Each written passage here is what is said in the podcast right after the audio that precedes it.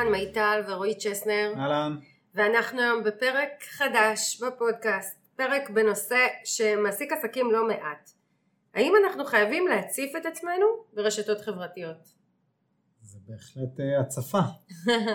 אה, יצא שכמה וכמה בעלות עסקים כתבו לי בזמן האחרון, בעלות עסקים במקרה יצא בעלות עסקים, אני מניחה שגם בעלי עסקים מרגישים את זה, אה, שסיפרו לי על תחושה של שובע, תחושה של אה, יש כל כך הרבה מקומות שצריך לעבוד בהם ומצפים מעסקים כל כך הרבה לכתוב מסרים, להיות פעילים בקבוצות, לצלם וידאו, להציג תמונות טובות, להעלות stories באינסטגרם, לעבוד בפייסבוק, ביוטיוב, בלינקדאין, בטיק טוק, באינסטגרם ופשוט יש תחושה של הצפה שאין גבול אה, עסקים מוצאים את עצמם נשאבים לרשתות החברתיות ובמקום שזה ישרת אותם וייתן להם תוצאות טובות כמו שהם רוצים ויקדם את העסק זה מציף אותם.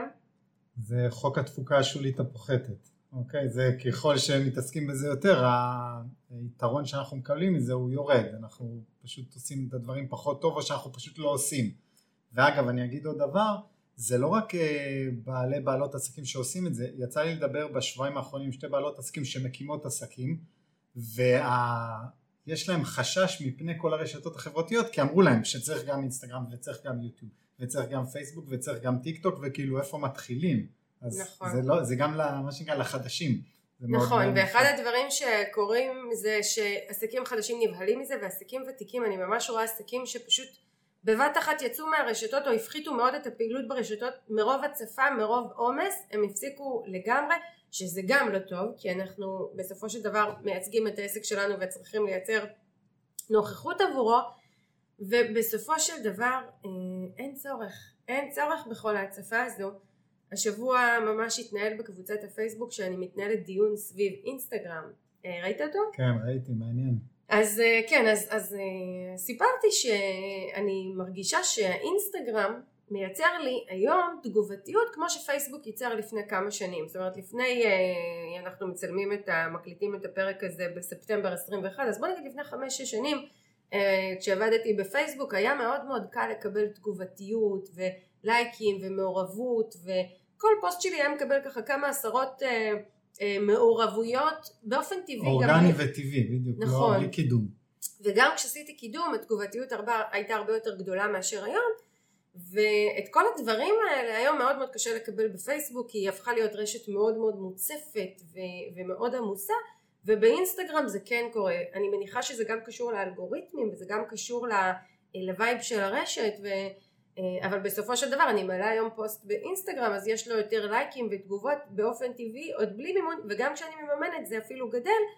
אה, ואז העליתי פוסט ואמרתי שאינסטגרם נותן לי תגובתיות טובה אבל עדיין ככה קצת קשה לי איתו אה, בגלל כל מיני מגבלות וכל מיני עניינים ואז המון בעלי ובעלות עסקים התחילו לנסות לשכנע אותי למה כן כדאי לי להיות באינסטגרם ולמה כדאי לי לשתף הרבה יותר מהחיים שלי ומיטל מהחיים למה... האישיים שלך. מהחיים האישיים שלי, ולמה את לא מעלה ב story אה, הרבה יותר אה, סיפורים, ובואי תספרי לנו את כבעלת עסק מצליחה, איך את מנהלת את החיים ככה שאת גם אימא, יש לך ילדות צעירות, את גם נוכחת בבית, אה, ובכל זאת מנהלת עסק שמייצר סכומים מאוד מאוד גבוהים ורווחים מאוד מאוד גבוהים. בואי תראי לנו את זה, בואי תשתפי אותנו. ואז התעורר שם באמת דיון שלם, ואני אמרתי שאני לא מוכנה, אני פשוט לא מוכנה להשתעבד לאף רשת חברתית ולאף מדיה ולהיות מחוברת אליה אה, בצורה כזו שבכל רגע נתון אני צריכה אה, אה, לשתף משהו, לספר משהו, לצלם משהו, להקליט משהו וזה הופך להיות חלק מאוד מאוד מוטמע בתוך החיים שלי. אנחנו לא צריכים את זה, אנחנו לא חייבים את זה, אנחנו יכולים לשווק בצורה טובה, להשיג את המטרות שמייצרות לנו רשתות חברתיות במינון שנכון לנו ואני יכולה להגיד שאני הדוגמה לכך כן, הרשתות החברתיות, לא משנה אם זה פייסבוק או אינסטגרם, זה, זה אמצעי, זה לא המטרה להיות, אה, להיות שם כל הזמן, זה אמצעי לעסק שלנו, הוא אמור לשרת אותנו. נכון, וגם אה, אחת מבעלות העסקים שאני מלווה כתבה לי השבוע שהיא ככה שמעה שבאיזשהו מקום אה, את סט גודין שהוא אדם שאני מאוד מאוד מעריכה, יש מקצוע שאני מאוד מאוד מעריכה והוא דיבר על זה שכאילו תפסיקו להישאב לרשתות החברתיות, תתחילו לנהל את העסק, תתחילו לעבוד כמו שצריך ואז היא ככה אמרה לי, רגע, מיטל, אז, אז, אז מה הפואנטה שם? אני צריכה לצאת מהרשתות החברתיות? אני צריכה להפסיק להיות שם? כי הן מציפות? כי הן מפריעות לי לנהל את העסק? זה בעצם מה שהוא אומר, ואמרתי, ממש ממש לא, ובסופו של דבר זו המטרה של הפרק הזה בפודקאסט. אני רוצה שאנחנו נעשה סדר. אני רוצה שאנחנו נבין את המטרות של הרשתות החברתיות, אנחנו נבין מה נדרש מאיתנו, מה המינון הנכון, ואיך בסופו של דבר אנחנו מחליטים ועובדים בצורה שהיא מייצרת לנו תוצאות טובות, היא משרתת את המטרות המדויקות לנו. והיא לא. שוחקת. והיא לא שוחקת, והיא לא מעייפת אותנו יותר מדי, אמ, ואנחנו מסוגלים גם להציב גבול, כי יש משהו מאוד ממכר ומושך ברשתות החברתיות. הם, הם בנויים בצורה כזו שהם אמורים, אה, גורמים להתמכרות. נכון, בכל רגע נתון אני אה, רוצה לוודא שלא פספסתי, שמישהו כתב משהו, יש כזה ריגוש מתמיד, בכל רגע נתון יש התראה חדשה. מה אמרו לי עכשיו? מה כתבו לי עכשיו? מה מחכה לי פה עכשיו? אנחנו מצפים לאיזה הפתעה, לאיזה משהו נורא נורא מרגש, בסופו של דבר זה כנראה עוד הודעה, עוד לייק, עוד איזושהי שאלה שלאו דווקא מתחשק לנו אפילו לענות עליה. אז אנחנו ניישר פה רגע קו, אנחנו בעלי ובעלות עסקים, אנחנו צריכים להנכיח את העסק שלנו, ורובנו אלה שמנהלים עסק קטן ובינוני, צריכים, או, או מטבע הדברים גם הפרזנטורים שלו, ואנחנו אלה שמייצרים עבור העסק את החשיפה, את המעורבות, אז כן, אנחנו צריכים להיות שם.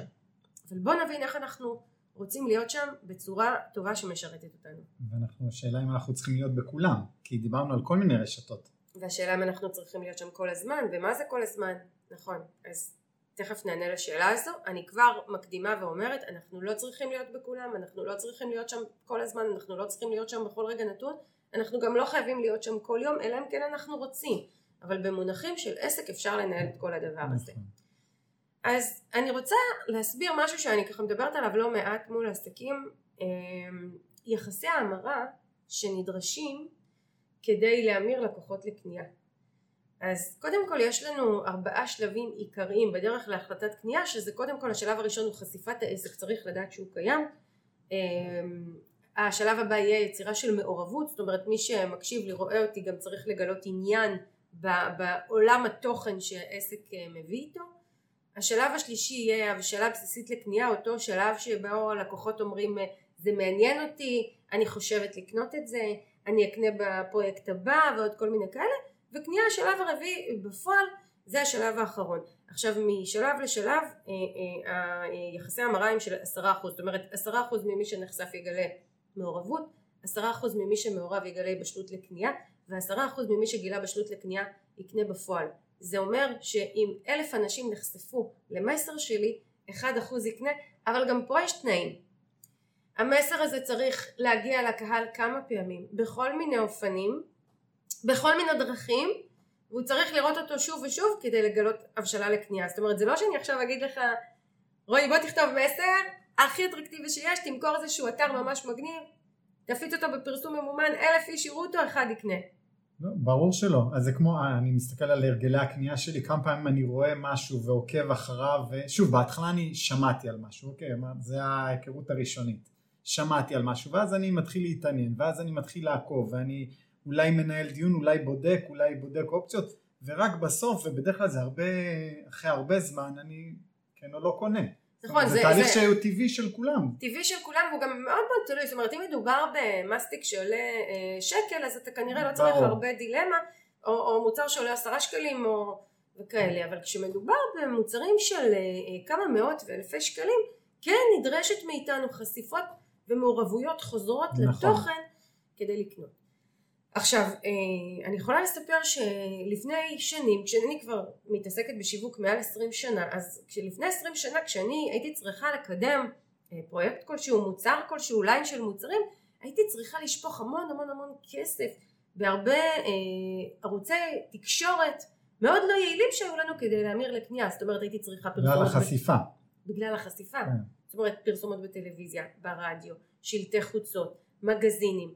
אה, המסר בדרך כלל היה מאוד מאוד שטוח כי כמה אפשר לכתוב כן. במודעה של מגזין או בשלט חוצות ותחשוב כמה אנשים לא רלוונטיים ראו את זה כדי שהקהל המאוד ספציפי הרלוונטי כן יראה את כן. זה זאת אומרת זה היה מאוד מאוד לא יעיל והרשתות החברתיות הביאו אה, בשורה ענקית למשווקים אוקיי עכשיו כולנו בעלי ובעלות עסקים אנחנו משווקים בהוויה שלנו וזה מאוד חשוב מה שאני אומרת פה מה הביאו לנו הרשתות החברתיות? הם הביאו לנו יכולת פילוח מאוד טובה של הקהל, הם הביאו לנו בעצם, הם יצרו לנו אפשרות שבהרבה פחות כסף אנחנו נייצר יחסי המרה טובים.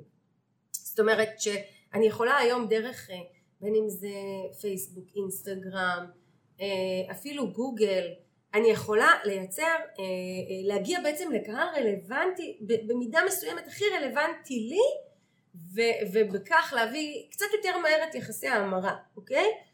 אם שלט חוצות, אם אני רוצה לפנות לעסקים ושלט חוצות היו עוברים לידו הורים וילדים, נשים וגברים, בעלי עסקים ושכירים ועוד המון המון אנשים, כמה מתוך, מתוך מי שעבר לידו זה בעלי עסקים? ברשתות החברתיות אני יכולה הרבה יותר מהר לפלח את כן, הקהל הזה. צמצמו, יש יכולת אה, תרגות, כן? אה, אפשר למקד משמעותית את קהל היעד. נכון. ולהציג לו את, התכנים.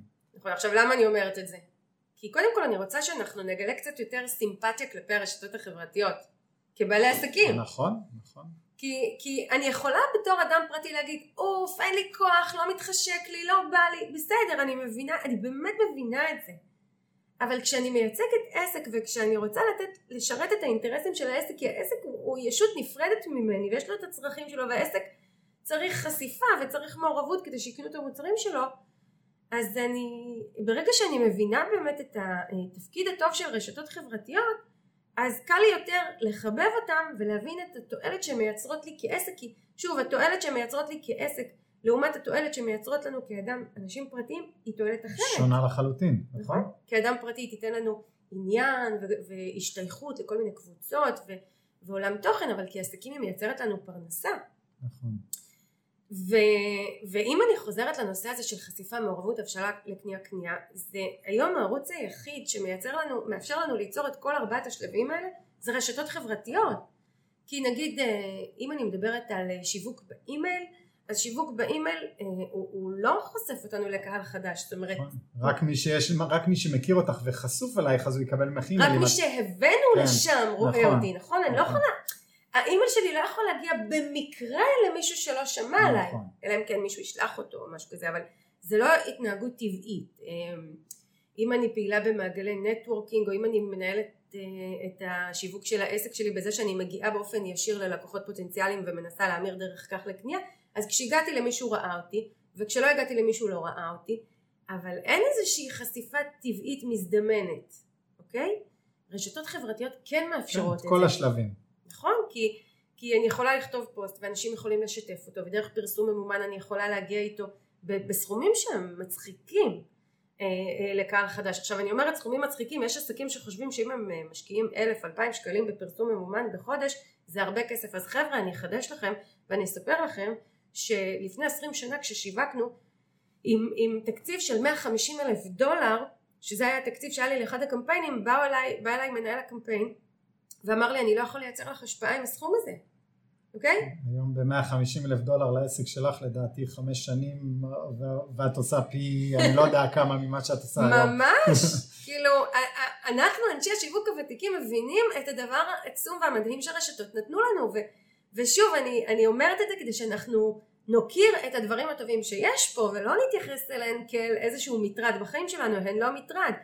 יכול להיות שאנחנו הפכנו אה, אה, אה, עבדנו בהם לא נכון ואז הם מרגישים שהם מטרד אבל הם לא. יש בהם באמת אני אומרת את זה ואני לא איזה ממבו ג'מבו. אה, יש פה אה, דברים מצוינים שעובדים בשביל העסק שלנו בוא נהנה מזה. אז כשאני מבינה את התפקיד של הרשתות החברתיות וכשאני מבינה כמה מטרות הן אה, משיגות עבורי וכשאני מבינה שהן מקצרות לי את הדרך יותר קל לי לחבב אותן עכשיו בוא נשים רגע משהו אחד בצד ודיברנו על זה בעבר שואלים עסקים האם אפשר לשווק אופליין. מה אתה אומר? א' זה מורכב, ב' למה לעשות את זה, זאת אומרת יש לך כלים כל כך טובים, למה, למה לכבול לעצמך את הידיים? נכון, כי איזה מקום, איזה ערוץ היום יכול לייצר לי חשיפה לקהל חדש ו- ו- וכמות משמעותית של אנשים שחשפו לתוכן שלי ממוקדת, מפולחת, מתורגטת כמו שאמרנו, איפה יש לי את זה? זאת אומרת אם הלכתי לפרסום שלטי חוצות, מגזינים, טלוויזיה, אמרנו שאנחנו נצטרך לשפוך כמויות של כסף ויהיה קשה למקד קהל טוב. אם אני הולכת לשיווק שמבוסס על טלפונים יזומים או פגישות יזומות אני אשרוף המון המון זמן ואגיע לקהל קטן. אבל יש לי את הרשתות החברתיות שיש בהם קהל עצום בגדלו מיליונים ב- ב- בישראל ומיליארדים בעולם שהם הם שם, שהם רוצים לקבל תכנים ו- ואני יכולה דרך זה לחשוף את העסק שלי אז למה לא להשתמש בנכס הזה? אג- אגב בוא נסדר רק אה, מה זה המיליונים האלה בסוף זה רוב האנשים רוב הקהל הפוטנציאלי הוא שם נכון שדוד שלי לא מתחבר לפייסבוק ודודה שלי לא באינסטגרם אבל באמת שמסתכלים על זה רוב הקהל הפוטנציאלי נמצא באחת מהרשתות האלה קריטית של כן, הקהל. כן. אני אומרת, אתה צריך עשרה לקוחות בחודש, מאה לקוחות בחודש, שני לקוחות בחודש, הם שם. כן. הם שם, יש שם מספיק. עכשיו פה אני גם מגיעה לנקודה חשובה, אנחנו עובדים מול מטרות, נכון? זאת אומרת, אנחנו עובדים מול מטרות כמותיות. כל אחד ואחת מאיתנו יודעים כמה לקוחות אנחנו צריכים בעסק בחודש, בשנה, כדי להגיע למספרים שאנחנו רוצים להגיע, ואנחנו נמצא אותם ברשתות החברתיות. עכשיו פה אני מגיעה לעוד נקודה חשובה. אני לא צריכה את כל הרשתות כדי להגיע לכמות הלקוחות שאני צריכה, אוקיי? גם עסק שמוכר אה, מוצרים שהמוצר עולה 300-400 שקלים, מוצר אה, אופנה. גם רשת אופנה יכולה היום אה, לייצר את ההמרה של כמות הלקוחות שהיא רוצה אפילו בעבודה ברשת חברתית אחת ולא בהרבה רשתות חברתיות, אוקיי? זה לא הכרח להיות בהרבה רשתות חברתיות. מה שאני בעצם אומרת זה שאם יש לי יעדים כמותיים ואם אני מבינה את יחסי ההמרה שלי שאמרנו ש-0.1% ממי שנחשף חשיפות חוזרות בסופו של דבר יקנה אני יכולה להחליט שאני בוחרת לעצמי רשת חברתית אחת ואני מתמקדת בה. אגב אני רוצה להגיד משהו גם בהקשר אמרנו עוד דבר שהוא חשוב שחשוב שיהיה חשיפות חוזרות זאת אומרת שיחשפו לאותו מסר כמה פעמים וגם את זה רשתות חברתיות נכון, מאפשרות לנו מאפשרות. ויחסית בקלות.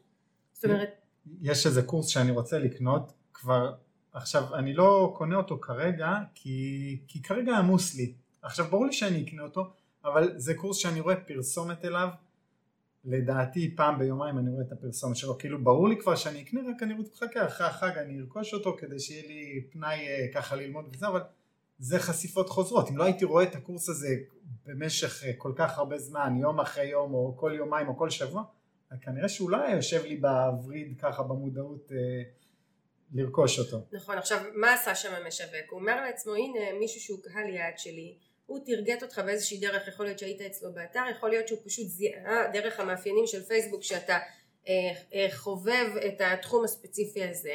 והוא הציע לך את המודעה והוא מציע אותה שוב ושוב ושוב כי הוא מבין שאתה גם ככה נכנס לרשת החברתית הזו ואפשר להמיר אותך בדרך הזו לקנייה וזה מה שהוא עושה חשיפות חוזרות. נכון. אז גם זו עוד סיבה להיות ברשתות חברתיות כי זה גם מאפשר לנו חשיפה ומעורבות וגם חשיפות חוזרות. זאת אומרת הם, מערכת תקשורתית קבועה מול הקהל שלנו. כן, אני, אני חושב החשיפות החוזרות האלה הם, אה, אני לא בטוח שמי שאולי מתחיל מבין את, ה, את המשקל של זה, החשיפות החוזרות זה, אני, אני כצרכן ברור לי שהחשיפות החוזרות זה מה שעובד עליי הכי הרבה, שוב ב, ב, במוצרים אה, קצת יותר יקרים. אז תראה אני אתן פה נתונים אה, מוחלטים. אה, בממוצע מי שרוכש את הקורסים שלי בין, עקב אחריי, בין שנה לשלוש שנים מדהים. בין שנה לשלוש שנים שקיבלו ממני מסרים, ראו הדרכות שלי, אולי קנו איזשהו מוצר זול שלי כמו הרצאה או איזושהי פעילות דיגיטלית מקוצרת ולקח בין שנה לשלוש שנים להגיע לרוב הקהל שמגיע אליי לקורסים, זאת אומרת יש כאלה שיספרו הכרתי אותך השבוע ו- ומשהו כן, או בבטן אמר לי שחברה מצטרף המליצה לי ממש, נכון. והנה אני מצטרפת, נכון. אבל הרוב אלה שהבשלתי באופן עצמאי בשיווק שלי זה הזמן שלקח להם זה טבעי זה הגיוני ו- ולכן אני בוחרת לעבוד ברשתות חברתיות כי זה כן אה, כלי ערוץ תקשורת שמאפשר לי את אותן חשיפות חוזרות שאני רוצה ואגב גם אם קשה לי בתחילת העסק להבין את המשמעות של זה אני יכולה להסתכל על זה כלקוחה כמה פעמים הייתי צריכה אפילו שמלה אפילו בגד אפילו מכנסיים כמה פעמים הייתי צריך לראות אותו עוד פעם ועוד פעם ועוד פעם כדי לקבל החלטה לקנות אותו נכון. אה, המוח שלנו עובד בצורה כזו אנחנו סומכים ובוטחים במשהו שראינו אה, כמה פעמים משהו מוכר. נכון אתמול אה, אה, יצא לי ללכת באיזשהו אזור שאני לא מכירה ו, ו, וכשהלכתי במקום שאני לא מכירה ישר הרגשתי רתיעה. זה האינסטינקט שלנו. כשמשהו אנחנו לא מכירים אותו הוא זר לנו אנחנו נרתעים אנחנו אפילו חוששים. אבל כשאני עוברת באותו מקום עוד פעם ועוד פעם ועוד פעם או רואה את אותו דבר או, או רואה את אותו מוצר שוב ושוב ושוב אני בוטחת בו אני מרגישה שזה מוכר ואני קונה אז פעם היינו עושים את זה, אנחנו המשווקים הוותיקים היינו עושים את זה בטלוויזיה, היינו באים עם איזשהו שמפו ומראים אותו במשך חודש שלם, מפמפמים אותו. מפמפמים, זאת המילה, שוב ושוב בפרסומת, עוד פעם ועוד פעם ועוד פעם, ומראים את זה בעיתון, ומראים את זה בשלט חוצות, ומראים את זה בטלוויזיה, עוד פעם ועוד פעם ועוד פעם, ושפכנו על זה מאות אלפי דולרים, אה, בשביל שבסופו של דבר הלקוחות ילכו ויקנו את השמפו הזה. אני מבטיחה לך שגם הגדולים הגדולים האלה מבינים את הכוח של רשתות חברתיות ומשווקים שם. עכשיו, בשלב הזה יש, יש איתנו שני סוגים של אנשים. יש כאלה שמבינים את החשיבות ו, ו, ועכשיו אנחנו נסביר איך לעבוד בצורה שהיא לא מציפה אותנו, ויש את אלה שעדיין לא השתכנעו, אז חבר'ה, אני אגיד לכם, תהנו מהשיחות האישיות, תהנו מהפגישות האישיות, תהנו ל... לשלם הרבה כסף לערוצים אחרים, אנחנו פה כן להבין איך עובדים ברשתות חברתיות בצורה טובה. הם, הם, אני מקווה שגם רועי יתחיל לעבוד ברשתות החברתיות בצורה טובה. אה, דיברת גם אליי? כן, אתה גם, אתה גם. אה, אבל אני רוצה להגיד פה, קודם כל אני, מהניסיון שלי, אה, אפשר לבחור רשת אחת ולעבוד בטוב ולראות תוצאות טובות. אה, שתי הרשתות המובילות היום אלה פייסבוק ואינסטגרם, נכון? אתה ככה בתור מי כן, שחי כן. את הדיגיטל ואת המגמות, אה, פייסבוק ואינסטגרם אלה שתי רשתות מאוד מאוד חזקות והרבה פעמים יש אה, דיון בין אה, עסקים בכלל איפה, מה יותר טוב, איפה עדיף, מה יותר ממיר לקנייה ויש את אלה שנשבעים באינסטגרם ויש את אלה שנשבעים בפייסבוק אז הנה הבשורה שלי המקום שבו מרגיש לכם נכון וטוב ואתם חיים אותו מהבטן וזורם לכם ועושה לכם טוב יעבוד. כי גם בפייסבוק וגם באינסטגרם אפשר אה, ליצור סביבנו קהילה וקשר עם אנשים וחשיפה לקהל חדש ופרסום ממומן ואם בפייסבוק אנחנו יכולים ליצור את הקהילה המאוד מאוד חמה בקבוצה שאנחנו ניצור אז באינסטגרם אנחנו יכולים ליצור את הקשר החם הזה דרך הסטורי בעיקר ו- וזה יעבוד וזה יעבוד ואם הלב שלי נמצא בפייסבוק אז אני יכולה לעבוד בפייסבוק שזה אומר גם בעמוד עסקי וגם בפרופיל הפרטי להיות נוכחת וגם בקבוצות וגם לתמוך בפרסום ממומן ואם הלב שלי נמצא באינסטגרם אז אני אה, אעבוד באינסטגרם מכל הלב. ויש גם טיק טוק ולינקדאין ויוטיוב ש, שגם בהם עסקים אה, אה, שמנהלים את הקהילה שלהם בצורה טובה יכולים לבחור ולעבוד טוב בהנחה שהם מה שנקרא מתבייתים על זה ו, ו, ומביאים לעצמם הרבה עוקבים ו, והופכים את המקום הזה למקום העיקרי שלהם לקידום. אה, וזה משהו שחשוב מאוד מאוד להבין אותו. אני גיליתי שאנשים שמאוד אוהבים את אינסטגרם מצליחים באינסטגרם ואנשים שמאוד אוהבים את פייסבוק מצליחים בפייסבוק וזה לגיטימי. נכון, זה גם הגיוני. בסוף אתה זה משהו שהולך להעסיק אותך הרבה זמן אז תעשה, תעשה את זה בפלטפורמה או במרחב שנעים לך וטוב לך בו. זה מזכיר לי את אה, הרשת החברתית שהכי אהבתי אי פעם הייתה גוגל פלאס זיכרונה לברכה. זה הגן עדן לצלמים. וכשסגרו אותה התבאסתי ומאז כנראה לא התאוששתי ולכן אני לא חזק לא בפייסבוק ולא באינסטגרם. אבל באמת שם שיתפתי שוב לא קשור לעסק כן זה היה באופן אישי אבל שיתפתי והגבתי והייתי engaged בכל הדבר הזה כי היה לי נעים ברשת הזאת. ברשתות אחרות פחות נעים לי אז אני פחות שם. אז אם כבר אתם בוחרים ועושים משהו אז באמת התוצאות יהיו יותר טובות במקום שנעים לכם להיות בו. נכון, נכון. עכשיו כל רשת שנבחר להיות בה, ברגע שאנחנו מבינים את המאפיינים העיקריים שלה ודרך העבודה העיקרית, אנחנו יכולים לנהל את העשייה שלנו ולא להיות מוצפים, אוקיי? ו, ו, ואז זה גם, אה, אני מה שנקרא מייצרת עשייה שמכוונת לתוצאות ולא כל הזמן כל הזמן כל הזמן נמצאת שם. אז בואו נפרט קצת על שתי הרשתות המובילות שזה פייסבוק ואינסטגרם אני יכולה לספר איך אני עובדת. קודם כל, אני, אה, רציתי להגיד עוד משהו לפני כן. אני כן עובדת אה, גם בפייסבוק וגם באינסטגרם, אבל אני אומרת האמת, הלב שלי בפייסבוק הרבה יותר נעים לי, כיף לי, מפרה אותי, אה, בעיקר הדיונים שיש בקבוצות, אני מאוד מאוד אוהבת את זה שיש כל מיני קבוצות ואני, אה, יש קבוצה, אם אני אוהבת לרוץ אז יש קבוצה של חובבי ריצה ואם אני אוהבת עסקים אז יש לי את הקבוצה שלי או הקבוצות אחרות שאני נהנית להיות בהן ו, ויש לי קבוצה של נשים שאנחנו מתקשקשות ביחד כבר הרבה שנים וזה המקום שלי לשאול שאלות על ילדות ויש אה, קבוצות אה, של נשים אה, כלליות שיש בהן כל מיני סיפורים מצחיקים. אני אוהבת את פייסבוק בגלל הדבר הזה אני אוהבת את הדיון את האינטראקציה את הקבוצתיות את הקהילתיות שהיא מביאה. ו- ואני מאוד מאוד פעילה בה אבל אני גם כן מחזיקה ערוץ אינסטגרם ואני מנהלת אותו ומתפעלת אותו כמו שנכון לי זאת אומרת אני יודעת איך נכון להתנהל שם אני מבינה ש... אינסטגרם דורשת איזושהי התנהלות מסוימת שתכף אני אפרט אותה קצת יותר אבל אני בוחרת להתנהל בה בצורה מאוד מאוד מדודה כדי שמי שכן רוצה לקבל את התכנים שלי באינסטגרם יקבל וזה לא יציף אותי. וממה שאני מבין ממך ומה שאני גם מכיר אותך זה בסוף את לא צריכה להיות 100% בפייסבוק וגם 100% אה, באינסטגרם זה מינונים פה את אה, המינון שלך יותר גבוה כי זה עובד לך יותר או באופן אישי את מתחברת לזה יותר. ופה את אה, עושה את זה במינון יותר נמוך כמו שמתאים לך. זאת אומרת אנחנו לא צריכים להיות טובים בהכל כל הזמן.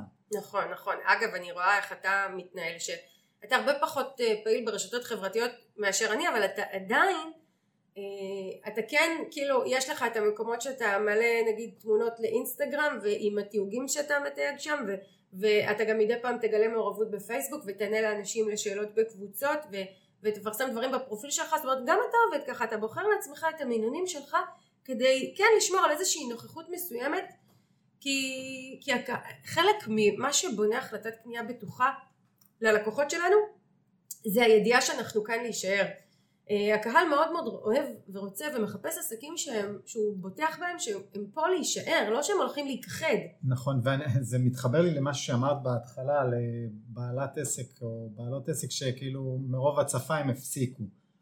זה בדיוק הבעיה, כשמפסיקים את הנוכחות ברשת, ושוב זה לא חייב להיות נוכחות כל שתי דקות אני נכנסת ואני עונה ו... ואני... ואפילו לא כל יום. לא, ולא כל יום, אבל צריך להיות איזושהי רציפות, איזו נוכחות, שוב, I'm here to stay, כאילו נכון. אני לא איזה משהו, איזה טרנד חולף, אני כאן, זה... אני כאן. נכון, אני כאן, ו... ואחד הדברים שקורים לעסקים שפתאום נעלמים מהרשתות, אני לא אומרת, לכ... זה בסדר ל... לצנן כמה ימים, אוקיי? כן, לא, ברור, זה... אני מדבר על תקופה ארוכה. זהו, אני ראיתי, יצא לי לדבר עם בעלי עסקים שפתאום נעדרו לאיזה חודשיים, שלושה, כי נמאס להם, כי הם היו צריכים מה שנקרא התאוששות מהצפה. ואז הם חזרו וקרו שני דברים. גם האלגוריתם של אה, פייסבוק ואינסטגרם אמר אה, מה שנקרא בואי תוכיחי לי שאת אה, מעניינת כדי שאני אחשוף את התכנים שלך וגם הקהל אמר גברת, אדוני, אתה לא היית פה הרבה זמן, אני לא כל כך מהר אתמסר אליך. זה כמו ילד שאתה עוזב אותו, טס לחו"ל איזה שלושה שבועות, אתה חוזר, הוא לא כל כך מעט מתמסר. עושה לך פרצופים. עושה לך פרצופים, לוקח לו זמן בחזרה להתרגל, אנחנו כולנו ילדים. כן. כולנו יש לנו את המקום הזה של רגע, רגע, את נעלמת, בואי, לפני שאני סומכת על זה שוב, נותנת את האמון שלי בך. ועוקבת אחרייך, אני רוצה לוודא שאת פה להישאר. נכון, אגב, אני ב... זה ממש להחזיר אמון. אני באינסטגרם, הייתה תקופה שהייתי משתף הרבה יותר צילומים שלי והכל, ואז, אתה רואה, מספרים יפים בלייקים וב engagement ובתגובות, ואיזה שנה לדעתי לא פרסמתי כלום, ואז העליתי תמונה, ולמרבה הפתעתי, לא היה לי שם שום תגובות ושום כלום. עכשיו הגיוני, מה, כאילו, אף אחד לא חיכה לי. נכון, נכון. זה סוג של מערכת יחסים עם הגולשים, עם העוקבים שלנו, ואנחנו אה, נתנו איזושהי הבטחה, גם אם היא לא כתובה, שאני פה, ואני מתקשרת איתכם, ואני מספרת לכם דברים, ואני מפרה אתכם, ואני מחזקת אתכם, ואני מלמדת אתכם, וזה לא פייר פתאום להיעלם. זה, זה מזכיר לי סיפור, יש פודקאסט מאוד מאוד מאוד חזק שהייתי אה, מקשיב לו במשך שנים, לפני כמה שנים טובות, על צילום, ויום אחד אה, שוב אחרי זה רק הסתבר לי הבן אדם שהוביל את זה ובאמת פודקאסט מאוד מאוד מצליח קיבל איזשהו אני לא אגיד התמוטטות עצבים אבל הסטרס כבר אה, הציף אותו, הציף אותו והוא פשוט הפסיק. הפסיק ליותר משנה שנתיים עוד ניסו לעלות בקיצור הפסיק ליותר משנה שנתיים ולדעתי לא מזמן הוא חזר אני כבר לא מאזין וברור לי שהמספרים שלו הם נמוכים משמעותית כי כאילו בואנה חבר שנתיים לא היית פה אני לא כל כך מצאתי שנקרא מצאתי תחליפים. כן וזה ממש, אה, כאילו, זה הזכיר לי את הסיפור הזה. ממש, ממש, ממש. עכשיו, אני, אני כן רוצה לסייג משהו, אפשר להחזיר את האמון. נכון. זאת אומרת שאף אחד לא יחשוב שכאילו גזרנו על עצמנו. אני לדוגמה, כשהייתי בהיריון של גאיה, אה, והיה לי צירים מוקדמים, החלטתי שאני מפסיקה את כל, כל, כל הפעילות העסקית שלי כדי לנוח ומה שנקרא, לסיים את ההיריון בבריאות. ונעדרתי, אומנם כתבתי הודעה שאני יוצאת לשמירת נכון. הריון, כאילו כיבדתי את הקהל בהודעה ברורה אני יוצאת לשמירת הריון ו- ו- ומדי פעם גם העליתי תמונות שלי על הספה עם הבטן, עושה כל מיני דברים. אמ, אבל אה, כשחזרתי אחרי בערך חצי שנה כי זה היה ארבעה חודשים של סוף ההריון ועוד חודשיים של חופשת לידה הייתי צריכה אה, לקח לי משהו כמו ארבעה חודשים להחזיר את האמון של כן. הקהל, לחזור לכוח שאני מכירה ולתוצאות שאני נכון, מכירה. שוב, זה לא בלתי אפשר, זה פשוט דורש עבודה, זה לא סוויץ', אפס למאה נכון, בלחיצה. נכון, נכון, ואז גם באים ומתלוננים. ולמה לא מגיבים לי ולמה לא כותבים לי ולא, חבר'ה כאילו מה שנקרא תנו קרדיט אה, תנו לאלגוריתם את הזמן, תנו לחברים את הזמן וביחד זה יעבוד עם עקביות. עכשיו אה, כמה מילים על שתי הרשתות המובילות בשיווק היום שזה פייסבוק ואינסטגרם בשביל להבין. קודם כל אחד ההבדלים המהותיים בין פייסבוק לאינסטגרם זה הבדל טכני, בפייסבוק אפשר כמעט בכל הודעה שנכתוב להכניס קישור בגוף הטקסט מה שמייצר אה, הקלקה יותר מהירה לכישורים ובהמשך לזה גם אה, אה, קנייה יותר מהירה אינסטגרם במערכת הפרסום הממומן כן אפשר לשלב קישור במקום מסוים אבל אי אפשר לשלב קישורים בגוף הטקסט וזה יוצר איזשהו אתגר מאוד מאוד משמעותי בהוצאה של אנשים ממנה. אינסטגרם היא רשת שהיא מייצרת קהילתיות מאוד טובה, קשר מאוד חם, מערכת יחסים מאוד חמה וטובה עם הקהל היא רשת שמאוד מאוד מבוססת על שיתוף אישי כדוגמה להצלחה אבל להוציא משם את האנשים לרכישה זה הרבה יותר מאתגר לדוגמה לעומת פייסבוק מצד שני בגלל שהיא מאפשרת, מכיוון שהיא מאפשרת לייצר קהילה כל כך אה, חמה וטובה, בהנחה שהצלחנו לייצר קהילה גדולה של אה, כמה אלפים ומעלה, אז הקהילה תהיה מספיק, הקשר יהיה מספיק חם כדי שהם יתאמצו להיכנס לפרופיל שלנו, לחפש את הקישור, להגיע לאתר שלנו אה, להתקשר אלינו ולקנות. זאת אומרת, אה, זה מה שמאפיין את אינסטגרם. אם כבר דיברתי על אינסטגרם, היא רשת אה, יותר פשוטה לעבודה, אבל היא יותר, קצת יותר תובענית לפחות בחוויה שלי. בהפקה. גם בהפקה וגם בעקביות, כי אינסטגרם, בפיד של האינסטגרם מקובל שתהיינה תמונות טובות, ותמונות טובות זה לאו דווקא עכשיו שצלם מקצועי צילם, גם אני יכולה לצלם את עצמי תמונות טובות, אבל הן צריכות להיות חדות ומוארות ובקומפוזיציה יפה. ו...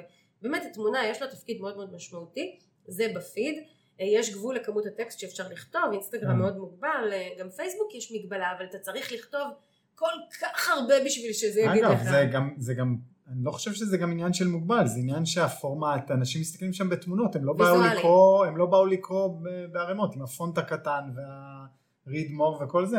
נכון, בגלל זה גם, אה, אגב, עסקים שהם ויזואליים בהוויה שלהם, בין אם זה עסקים שמתעסקים בעיצוב, סטיילינג, עיצוב גרפי, אוכל, אפילו כן. שמצטלם טוב, אה, יותר קל להם שם. נכון. לעומת עסקי שירות, למרות שגם עסקי שירות מגיעים לתוצאות נהדרות שם אם הם אה, משלבים תמונות טובות וטקסטים ככה מחברים ומשתפים. אה, החלק הקצת יותר תובעני של אינסטגרם ומצד שני גם היותר ממיר לקנייה זה הסטורי. יש משהו בסטורי שהוא במיידיות שלו, סטורי זה בעצם אה, תמונות או סרטונים שאנחנו מעלים בחלק העליון של אינסטגרם והם נעלמים אחרי 24 שעות. יש משהו מאוד מאוד מרגש את הקהל בזה שזה תכף נעלם, אז הם, הם לא רוצים לפספס, בואו נראה מה העלו היום לסטורי, מה מיטל העלתה שם. אה, נכון, ש... ושנייה, וגם זה לא, זה גם מה היא העלתה שהוא אה, בסוף בסטורי זה דברים הרבה יותר, מכיוון שהוא נמחק הרבה יותר מהר, או הוא יותר רגעי וארעי, אז את מעלה דברים שלא היית חושבת להעלות שיהיו קבועים אה, בפיד שלך, את יכולה להעלות דברים הרבה פחות מדויקים אבל הרבה יותר אישיים, נכון, כן, והם לא, אז וואו, זה יש פה משהו, אה, זו מילה רעה אולי, אבל חטטני, כן, וואי, מעניין אותי, מציצני, מה, מציצני, כן, אה, נראה מה קורה מאחורי הקלעים, אני לא רוצה לפספס את זה. נכון, נכון, ואגב זה לגיטימי, זאת אומרת אני נכון. חשפתי, אז הזמנתי את המציצנות. אה, ועוד דבר, יש משהו שמרגיש הרבה יותר עדכני בסטורי. זאת אומרת, אם מיטל העלתה את זה עכשיו, זה כנראה חשוב. נכון. אוקיי? אה, אבל עכשיו ככה, היתרון הגדול שלו הוא שבגלל הסיטואציה הזו הוא מייצר מעורבות מאוד מאוד גבוהה ואנשים יושבים ומסתכלים, צופים במה אני מעלה, תמונות, סרטונים. אה, אם הם עובדים בטכניקה נכונה אז גם יש תגובתיות מאוד מאוד יפה לסטורי ואפשר להמיר בצורה יפה לקנייה בעוד שהחיסרון שלו זה שצריך כל הזמן להיות שם. זאת אומרת נורא קשה לנהל אותו בשלט רחוק או, ב, או בתזמון מראש. אה, אני צריכה להיות שם ואני צריכה להגיב אני לפעמים יצא שהעליתי סטורי ולא נכנסתי באותו יום לאינסטגרם ופתאום אני מגלה כל מיני הודעות ותגובות בסטורי שהפכו להיות לא רלוונטיות פתאום יום למחרת ו-. כן. וכאילו בוא נגיד בשביל להצליח טוב בסטורי צריך באמת להיות שם כל יום ו- ולא לתזמן ולברוח או שמישהו אה, יהיה שם אה, לבדוק לקרוא לתת מענה וזו התובעניות של הסטורי וזה החלק הפחות אה, נוח שלו אמ, וזאת האינסטגרם פייסבוק היא מאפשרת משהו אחר לחלוטין פייסבוק היא מאפשרת קודם כל ברמה הטכנית היא מאפשרת לנו אה, בין אם זה עבודה בעמוד עסקי ובין אם זה עבודה בקבוצות לתזמן מסרים, לתזמן פוסטים. ואז אני מתזמנת ו- ואני יכולה גם לעשות פרסום ממומן למסרים שתזמנתי וזה ימשיך לרוץ. אגב גם באינסטגרם אפשר uh, uh, לתזמן מסרים בפיד ולהעלות פרסום ממומן אבל ברוב המקרים שאני רואה, לא בכולם, אבל ברוב המקרים, בדרך כלל הפרסום הממומן בפייסבוק ייתן תוצאות יותר טובות בגלל עניין ההקלקה, שההקלקה היא כן. בגוף הטקסט, אז יש פה עניין טכני. ו- ושוב יקומו עסקים שיגידו מה פתאום אינסטגרם ממיר לי יותר טוב עושה לי תוצאות יותר טובות בהחלט יש עסקים שהוא נותן להם תוצאות יותר טובות אני לא מתווכחת ו- ו- ואם אני חוזרת לפייסבוק אז הוא מאפשר לי לתזמן גם לקבוצה שלי וגם לעמוד העסקי שלי הוא, הוא דורש פחות מיידיות אני לא חייבת להיות שם כל הזמן כמו בסטורי אני יכולה להעלות הודעה לקבוצה יתפתח איזשהו דיון ואני יכולה לחזור גם בערב לענות או למחרת אמ, אני יכולה, אני, אני, אה, מה שכן הפייסבוק דורש מאיתנו זה מעורבות קהילתית. להבדיל מאינסטגרם שהאינטראקציה היא מול העסק, אני יכולה לכתוב לו והוא יגיב נכון. לי, אבל אין כל כך אינטראקציה בין אנשים נכון. שם. פייסבוק כן מייצר אינטראקציה בין אנשים ודרך זה נוצר איזשהו חיבור, נוצרת הקהילה במלוא הווייתה וחיבור אליי כמי שמנהלת את הקהילה הזו וזה החלק התובעני של פייסבוק. כי אם אני באמת רוצה לנהל קהילה ורוצה לנהל לצורך העניין שתהיה לי קבוצה טובה ושתהיה דינמיקה טובה בין אנשים אז אני כן צריכה להיות זאת שמעלה את הדיונים ו- וזאת שעונה תשובות מעמיקות. את צריכה לנהל את הקהילה, זה ניהול. לנהל וגם לתפעל, כן. זה גם תפעול, כי יש כאלה שאומרים מה פתחתי קבוצה, כמעט ולא מצטרפים ו- וגם אה, אה, אני מוצאת את עצמי את רוב ההודעות אני פותחת, כן. אגב אני רוצה ליישר פה קו לעוד דבר חשוב. לא משנה איפה התחלתי לעבוד פייסבוק או אינסטגרם או כל רשת אחרת יוטיוב לינקדאין טיק טוק אמ, התקופה הראשונה של ההרצה תהיה תקופה שהיא מאוד מאוד תובענית שדורשת הרבה אנרגיה ולא משנה איפה אנחנו. לבנות ערוץ אינסטגרם פעיל לוקח זמן ודורש התגייסות. ואותו דבר לבנות קבוצה בפייסבוק או לבנות קהילה בעמוד עסקי כן? בהתחלה זה ידרוש ממני לבנות. כמו שאני בונה בית אז יש לי שנה שלמה שאני מה שנקרא בטירוף של התעסקויות ואחר כך כל החיים אני גר, גרה בבית הזה? או כמו שאני יולדת תינוק והשנה הראשונה היא מאוד מאוד אה, ככה צריך, הוא צריך ללמוד אה, לקום וללכת ולעשות את הצרכים לבד ולאכול ולשתות ו...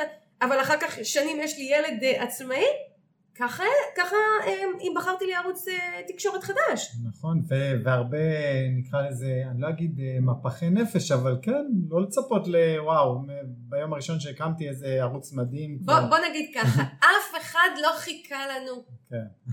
אף אחד לא יושב שם ואומר, או מיטל טוב שבאת, חיכיתי רק לך, איזה יופי, באתי עם הידע. לא, רוב האנשים חיו טוב. נהנו, עקבו אחרי, אחרי אחרים, אפילו מרגישים מוצפים. אה, ועדיין אנחנו באים ורוצים לעניין אנשים ולרגש אותם ואנחנו יכולים, עובדה, עובדה שאני עושה את זה, אני באמת, אני בפירוש אומרת, אני דוגמה מאוד מאוד טובה לניהול קהילה וכל מי שעוקב אחריי גם מעיד על זה. אבל כן, אה, יש תקופת הרצה ויש תקופה של השקעה ואני אגיד אפילו אני אומרת ככה מינימום שלושה חודשים כדי לבנות ערוץ שיווק ככה את הבסיס שלו ומשהו כמו שנה עד שהוא... לבסס אותו. לבסס, יש לו רגליים משלו, כן. הוא עומד והוא מתנהל. כן. לצורך העניין נגיד אה, בתחילת הדרך הייתי כל הזמן צריכה לעשות דברים בקבוצה שלי בפייסבוק כדי שהיא תגדל. לארח אה, אה, מומחים, ליזום דיונים, לעלות לפעילויות. היום אני לא צריכה לעשות כמעט כלום והקבוצה מניעה את עצמה. אנשים כמעט כל יום יפרסמו שם הודעות, ישאלו שאלות, יכתבו אחד לשני, יתייעצו. ועדיין שלא יתבלבלו, את מאוד שם בפנים, זאת אומרת זה לא שאוקיי, זה רץ, אה, זה פרמפטו מוביל, זה עובד לבד ואני לא צריכה להתעסק. נכון, נכון. אני עונה לשאלות, אני ועונה. גם מעלה דיונים, כי כן. אני רוצה שהווייב של הקבוצה יישאר כמו שאני רוצה אותו ולא כמו שהמשתתפים לוקחים אותו. נכון. אמ, זהו, אז אני, אני, אנחנו מתקרבים לסיום הפרק הזה ואני רוצה כן למקד ו, ולעשות לעסקים את אותו סדר מה אנחנו ממליצים. אה, עוד דבר לפני הסיכום שאני רוצה לדבר עליו זה כן כל, כל נושא יצירת התוכן הדברים האלה. בגדול יש אה, שלושה סוגים של אה, תכנים שאנחנו יכולים להעלות לרשתות החברתיות שזה טקסט, תמונות ווידאו. אה, טקסט זה, זה, זה דורש זמן ככה לכתוב ו, ו, ולהתרכז אבל באופן יחסי הוא החלק הקל לכתוב משהו לצלם תמונות דורש מאיתנו מיומנות מסוימת או ללכת למישהו שיצלם עבורנו או ללמוד לצלם בעצמנו והיום באמת בעזרת אה, מצלמת טלפון אפשר לצלם אפשר להוציא דברים נפלאים. תמונות נהדרות ברורות. Mm. אפשר קצת ללמוד על קומפוזיציה על אה, בסיסית וטבעית ובאמת לצלם נהדר. אה, וידאו הוא, הוא, הוא הכי מאתגר, גם וידאו היום אפשר לצלם בצורה נהדרת בעצמנו בסמארטפון, אבל אה, וידאו דורש אה, קצת יותר מרכיבים שצריך להבין כדי שהווידאו יצא כזה שאנשים באמת ייצרו להקשיב לו ויקשיבו לכולו, יש טכניקות גם פה ש... שאפשר ללמוד אותן. ופה אני, אה, מה שנקרא, החלק הקל הוא תמונה וטקסט, תתחילו עם תמונה וטקסט. זאת אומרת, אל תגידו לעצמכם, מכיוון שאני לא יודעת לעשות וידאו, ואמרו לי שווידאו זה מאוד מאוד חשוב, אז אני, אז אני בכלל לא נכנסת לרשתות חברתיות, כי יש, כי יש הרבה מה לעשות. תתחילו במשהו יותר פשוט. אני במשך שנים על גבי שנים בלי וידאו בכלל, ביססתי את עצמי, ייצרתי המרה מאוד מאוד יפה לקניות, ואני אומרת בפירוש, את הוידאו הכנסתי בשלבים קצת יותר מאוחרים, וכמובן שיש את כל נושא שידורי הלייב, שהקהל הרבה יותר סלחן לגביו. אומרת אם אני עולה לשידור לייב בין אם זה באינסטגרם בין אם זה בפייסבוק בקבוצה בעמוד אה, אז הקהל אה, מוכן גם לראות אותי לא הכי מסודרת ולא הכי מאורגנת ובסיטואציה לא הכי כן. מסודרת. והתאורה היא לא כמו של הפקה של לא, אני לא, כן, אני לא אעלה בחושך, כן. אבל כן כאילו... ברור, זה לא, שוב, זה כי זה לא כאן אה, לתמיד, זה לא משהו שיושב בראש האתר שלך שחייב להיות ב... מה שנקרא 100%. זה breaking news כזה. כן, כן. מיטל התפרצה לשידור כי יש לה משהו חשוב לספר דווקא עכשיו, אז אני אגב, מבינה... אגב, זה כמו, אני, סליחה שאני קוטע אותך, אבל זה כמו בחדשות, שיש את אלה שבאולפן שנראים מתוקתקים, ויש את אלה שיושבים ומדווחים עם המיקרופון ויש להם רוח והם נראים כמוני וכמוך. זה בדיוק זה. נכון, נכון, וזה בסדר שפתאום כתב יש לו משהו חשוב להגיד והוא פתאום מתפרץ לשידור והוא לא הכי מאורגן והוא קצת מצ'וקמק, אנחנו לא מתבאסים ואומרים מה זה הצ'יקמוק הזה בחדשות. אז אותו דבר פה, אה, שידורי לייב זו אפשרות אה, להעביר את עצמנו בווידאו בלי הרבה מדי הכנות, כן להעביר אה, תוכן מעניין וגם את זה אפשר לשלם. עכשיו אם אנחנו מדברים על מינונים אז טקסט ותמונות זה החלק הקצת יותר פשוט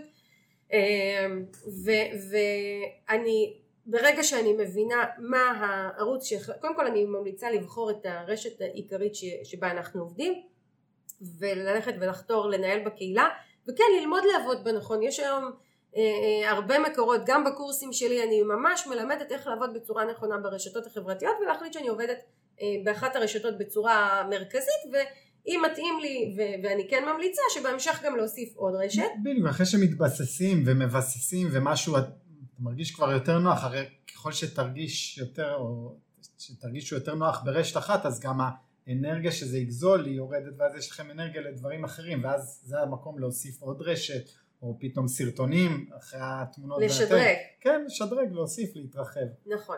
ו- ואחד הדברים שאנחנו תמיד תמיד צריכים לזכור זה א' את יחסי ההמרה ולהבין שבסופו של דבר אנחנו עובדים בשביל תוצאות מאוד מסוימות ולא להישאב מה שקורה לעסקים מה הבעיה הם פתאום נשאבים ומרגישים צורך כל יום להעלות מסר בפייסבוק וכל יום להעלות מסר באינסטגרם וכל יום לכתוב משהו בקבוצה וכל יום אה, אה, לצלם עוד משהו וכל יום עוד וידאו וכל יום וכל יום וכל יום וכל יום ומי שעובד בסטורי בכלל מרגישים צורך לצלם כל אינטראקציה שלי עם הילד עם עצמי יצאתי בבוקר חזרתי בערב אכלתי שתיתי אמרתי מין התמכרות כזו שאנחנו באיזשהו שלב אומרים רגע רגע רגע יש מטרות, יש אה, דרכי המרה לקנייה, זה לא מה שאנחנו צריכים, אנחנו לא חייבים את כל זה. נכון.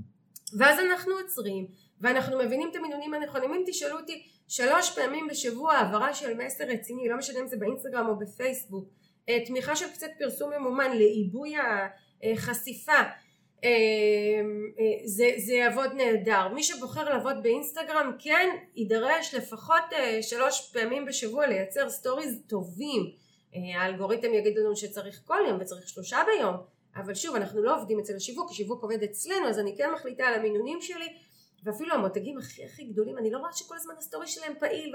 לא לא לא מנהלים את הדברים נכון. במתינות ב... בהיגיון אני בוחרת מה נכון לי איפה אני משקיעה ולפי זה אני מייצרת את התוכן שלי אה, קבוצות פייסבוק כמו שאמרתי גם אני יכולה אה, לתזמן את אותו מסר שכתבתי לפייסבוק אני יכולה להעלות אותו גם לקבוצת הפייסבוק שלי אה, ואני יכולה גם אה, להחליט שפעם בשבוע אני פותחת באיזשהו דיון מעניין וגם אה, מגיבה לאנשים ו, ו, ולצורך העניין פעם ביומיים אני נכנסת ועונה לשאלות שעולות שם. ושוב אני מדברת על עבודה שוטפת לא על תקופת ההרצה שדורשת יותר נכון. אנרגיה. וזה בגדול זה לא מצריך כל כך הרבה זה לא אמור להציף אותנו זה לא אמור לשעבד אותנו. זה לא אמור לשעבד אתה יודע הסוד הוא בסופו של דבר כמו כל דבר תוכנית. יש לי תוכנית עבודה כמה מסרים אני רוצה להעלות, אני יכולה לכתוב אותם מראש, אני יכולה לארגן תמונות מראש, אני יכולה לארגן לי וידאו מראש אם מתאים לי, אה, אני יכולה להחליט מתי אני עולה ללייב, אני מייצרת לעצמי תוכנית עבודה. אני מוודאת שהתוכנית הזו באמת מייצרת לי את מה שרציתי שזה חשיפה לקהל חדש, מעורבות, הבשלה לקנייה, הנאה לקנייה ו, אה, וכל המערכת הזו בעצם מייצרת לי את התוצאות שאני רוצה. אבל להבין שהצפה הרבה תוכן, הרבה תוכן, הרבה תוכן, היא, היא מייצרת לנו תוצאה הפוכה לא רק בשיעבוד ובהתעייפות שלנו, גם הקהל בסופו של דבר מאבד עניין. כן, וגם האיכות של התוכן בדרך כלל לא יכולה להיות כל כך uh, טובה כשזה כל יום, כל יום, כל יום, כל יום, כל רגע. נכון. אה, עכשיו יש פה עוד הרבה ניואנסים שצריך להבין ואני לא יכולה להיכנס פה למה שנקרא איך מנסחים מסרים טובים, אה, שילוב של פרסום ממומן שמאוד מאוד עוזר לנו להגביר חשיפה ו... פרסום ממומן אגב מצמצם את הצורך להיות נוכחים כי כמו אותו מוצר שסיפרת עליו במקום שכל יום יעלה שם מישהו ידבר איתך בסטורי יספר לך משהו חדש יכתוב מסר שונה הם לקחו את אותו מסר ושולחים לך אותו שוב ושוב ושוב בפרסום ממומן זו גם האופציה. אז הרבה עסקים ברוב שהם מנסים לחסוך כסף ולא לשלם ממומן הם מוצאים את עצמם תובעים בתואנות של תוכן. אז לא חבר'ה את כל הדבר הזה מכניסים לתוכנית עבודה אני יכולה לספר שאני היום כותבת מסר אחד הוא עולה גם לפייסבוק, גם לקבוצה שלי, גם לאינסטגרם שלי, גם נשלח לרשימת התפוצה, אותו מסר, גם משותף לסטורי שלי. הנה במסר אחד השגתי הרבה הרבה מטרות. אני יוצאת בנקודת הנחה שיש קהל מסוים באינסטגרם וקהל אחר בפייסבוק וקהל אחר ברשימת התפוצה שלי. עדיין אחרי שפרסמתי אותו בכל המקומות אני מגלה אנשים שלא ראו את ההודעה שלי ומי שראה את ההודעה שלי ביותר ממקום אחד הוא כנראה מחובר אליי ואוהב אותי מספיק בשביל לא להתבאס מזה. כן, זה מבחינתו זה בסדר. ותמיד אפשר להחליט שלא עוקבים אחריי איפשהו אם זה מציף אותה מדי, אבל אני עובדת ביעילות. ואני לא כל רגע נתון מייצרת תוכן. ואני פשוט עובדת מול המטרות שלי ולזכור את זה. אמ, וזהו, אתה חושב שאנחנו ככה נתנו פרספקטיבה טובה?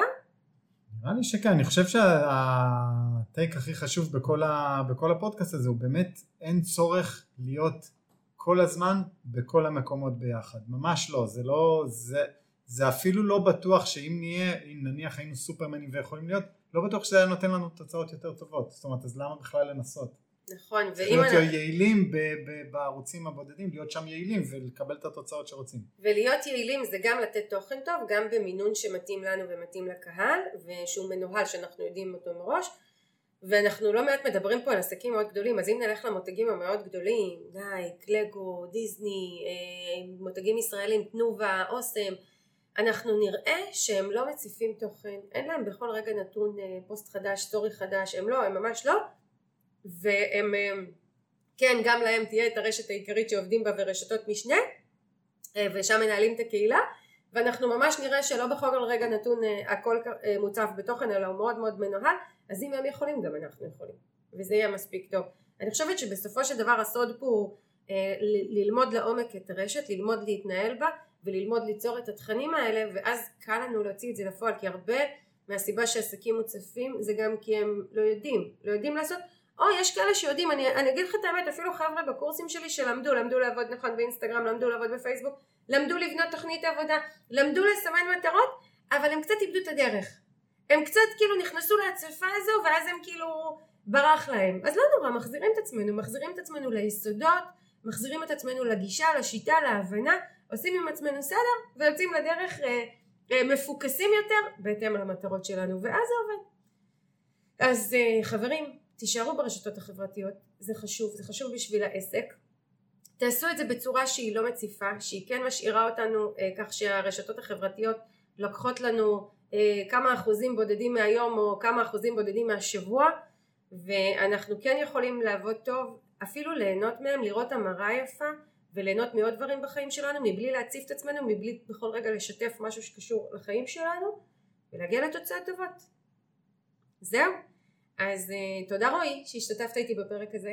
למרות שאני לא ברשתות. למרות שאתה כן ברשתות, אתה במינון שלך ואתה גם קצת מתפנה כי אני אשת שיווק שעושה בשבילך הרבה עבודה בוא נפתח את הדברים פה מול כולם. זה נכון.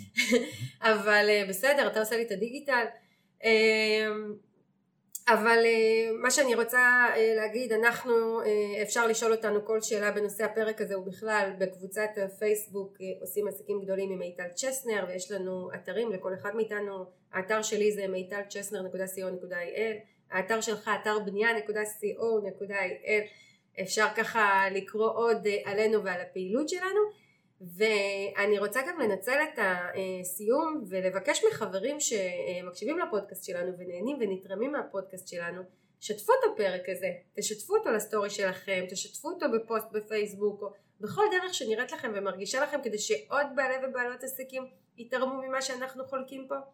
זהו, נגיד לכם תודה רבה שאתם מקשיבים לנו, תודה על האמון. תודה רבה. ושרק נמשיך לעשות עסקים גדולים. להתראות.